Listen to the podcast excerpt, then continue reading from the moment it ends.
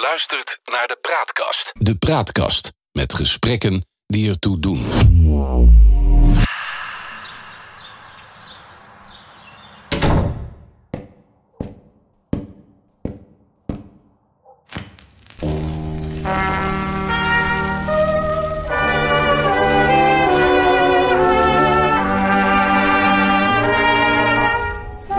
Hoewel bij de reservering was afgesproken dat hij rond de klok van zes uur zou zijn, kwam hij pas tegen elf aanrijden. De meeste andere gasten waren al naar bed. Aldo en ik keken elkaar aan. Zwalkend liep hij van zijn auto naar de ingang van onze B&B. Hij droeg een enorme hondenmand. Het kleine hondje dat hij bij zijn internetreservering had aangekondigd, bleek een fors uitgevallen, maar wel erg lieve Labrador. Bij binnenkomst zwaaide hij meteen met zijn creditcard. Met dubbele tong verkondigde hij: Ik heb gereserveerd. Ik wil meteen betalen.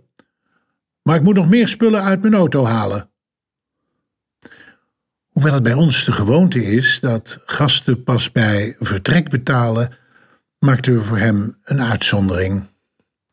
Aldo liep nog twee keer mee naar de auto om al zijn spullen naar de kamer te brengen: fotoapparatuur, een zak met 20 kilo hondenvoer stond op de buitenkant, gereedschap, plastic bakjes met Chinees eten, genoeg voor een hele week en nog veel meer.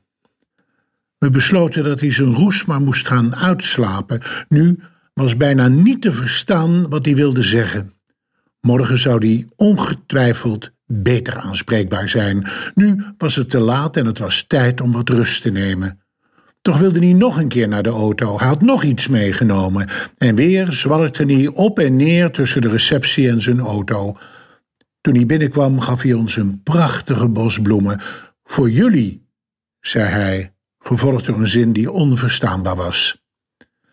Het uur daarna kwam hij nog drie keer zijn kamer uit.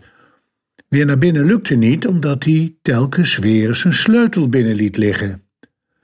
Met onze mastersleutel hielpen we hem dan weer naar binnen en probeerden we hem zo ver te krijgen dat hij ofwel zijn sleutelkaart bij zich zou houden, ofwel dat hij lekker zou gaan slapen. Die nacht werd het pas na ene rustig op zijn kamer. Ik keek nog eens naar het kaartje dat aan het bloemstuk was bevestigd.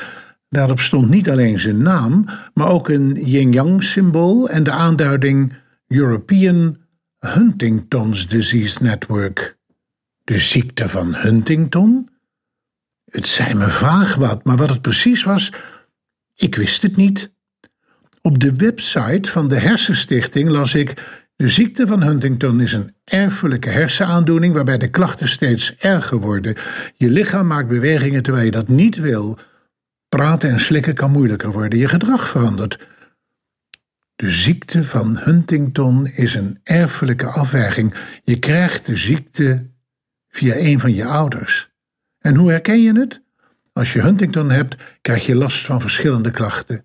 Hoe langer je de ziekte hebt, hoe erger de klachten worden. Je hebt lichamelijke klachten, maar ook mentale klachten. En die mentale klachten vallen vaak minder op, maar zijn ook zwaar. Zowel voor jou als voor je omgeving. Veel voorkomende kenmerken zijn: je maakt bewegingen zonder dat je het wil, je hebt last van stijve spieren, je denkt en ziet rare dingen, je hebt moeite met lopen, je wordt onhandiger, je vergeet dingen, je wordt snel boos, je voelt je somberder. Ja, zou deze gast misschien helemaal niet aangeschoten zijn, maar lijden aan de ziekte van Huntington? De volgende morgen was onze bezoeker al om zes uur hyperactief. Hij vertelde dat zijn hond doodziek was. Op de kamer had hij geplast en gepoept. De hond had zelfs bloed overgegeven. Ik ga op zoek naar een dierenarts, zei hij resoluut. Kunt u niet beter wachten tot over twee uur? Dan gaan we eerst bellen om te kijken waar jullie terecht kunnen, probeerden we nog voorzichtig. Maar hij beende samen met zijn droef uit de ogen kijkende labrador op de auto af. Toen hij na twee uur nog niet terug was, gingen we kijken op zijn kamer of er nog iets verschoond moest worden. Bij het openen van de deur kwam een penetrante geur ons tegemoet. De hele vloer lag bezaaid met pis, poep en bloederig braaksel. Het was een enorme bende. Overal lag troep. Op het tweede bed was allerlei gereedschap uitgestald: schroevendraaiers, een nijptang, een verrekijker, een fototoestel en veel spuitbussen. De minibar was leeggehaald en volgestopt met een deel van het Chinese eten en blikjes Red Bull. Er stonden en over, overal blikjes bier en flesjes. In de drinkbak van de hond zat sinaasappellimonade en in zijn etensbak rijst met garnalen.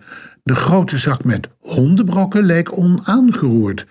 En toen we erin keken, zagen we maar een klein laagje brokjes. Daarbovenop lagen flessen Salmari, droplikeur met een hoog alcoholpercentage. Ja, of zijn zwalkende bewegingen van gisteravond te maken hadden met het ziektebeeld of toch met drankgebruik, het zal nooit duidelijk worden. Waarschijnlijk was het de combinatie van de twee. We dweilden de vloer, het raam ging wagenwijd open en de lakens werden verschoond. En toch bleef de bijna ondraaglijke geur hangen.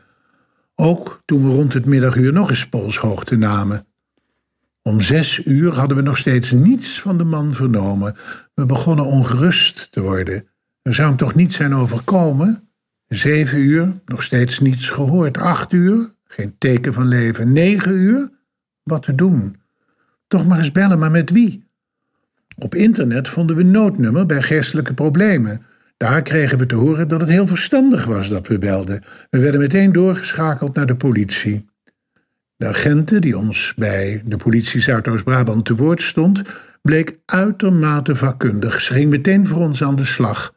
Met de gegevens die we hadden, het adres op het visitekaartje, het kenteken, zijn naam, had ze binnen enkele minuten meer informatie. Die deelde ze, uiterst correct, niet met ons, maar uit haar beschrijving was duidelijk dat we konden concluderen dat er bij de politie meer over de man bekend was.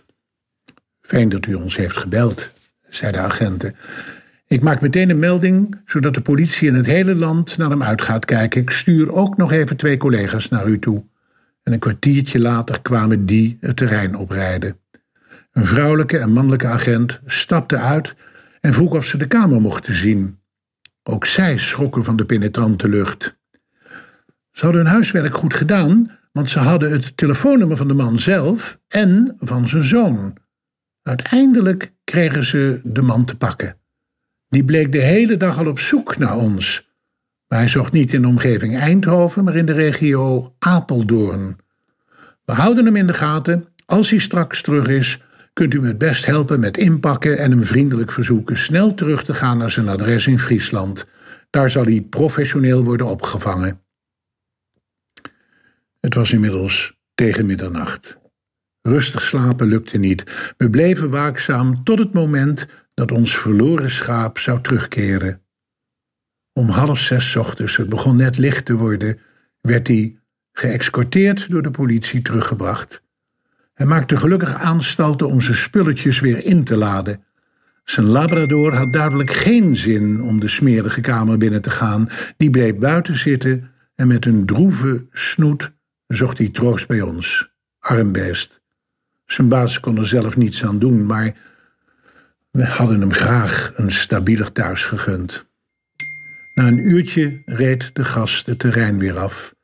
Met drie man sterk hebben we de kamer van onder tot boven ontsmet en schoongepoetst. Drie weken later werd er een brief bezorgd van zijn zoon. Hij dankte ons voor de goede zorgen en gaf ons een inzicht in de dingen waarbij anderen rondom de man voortdurend tegenaan liepen. Door deze bijzondere ervaring weten we voor eens en voor altijd dat de ziekte van Huntington een mens en degene rondom hem erg in de greep kan hebben.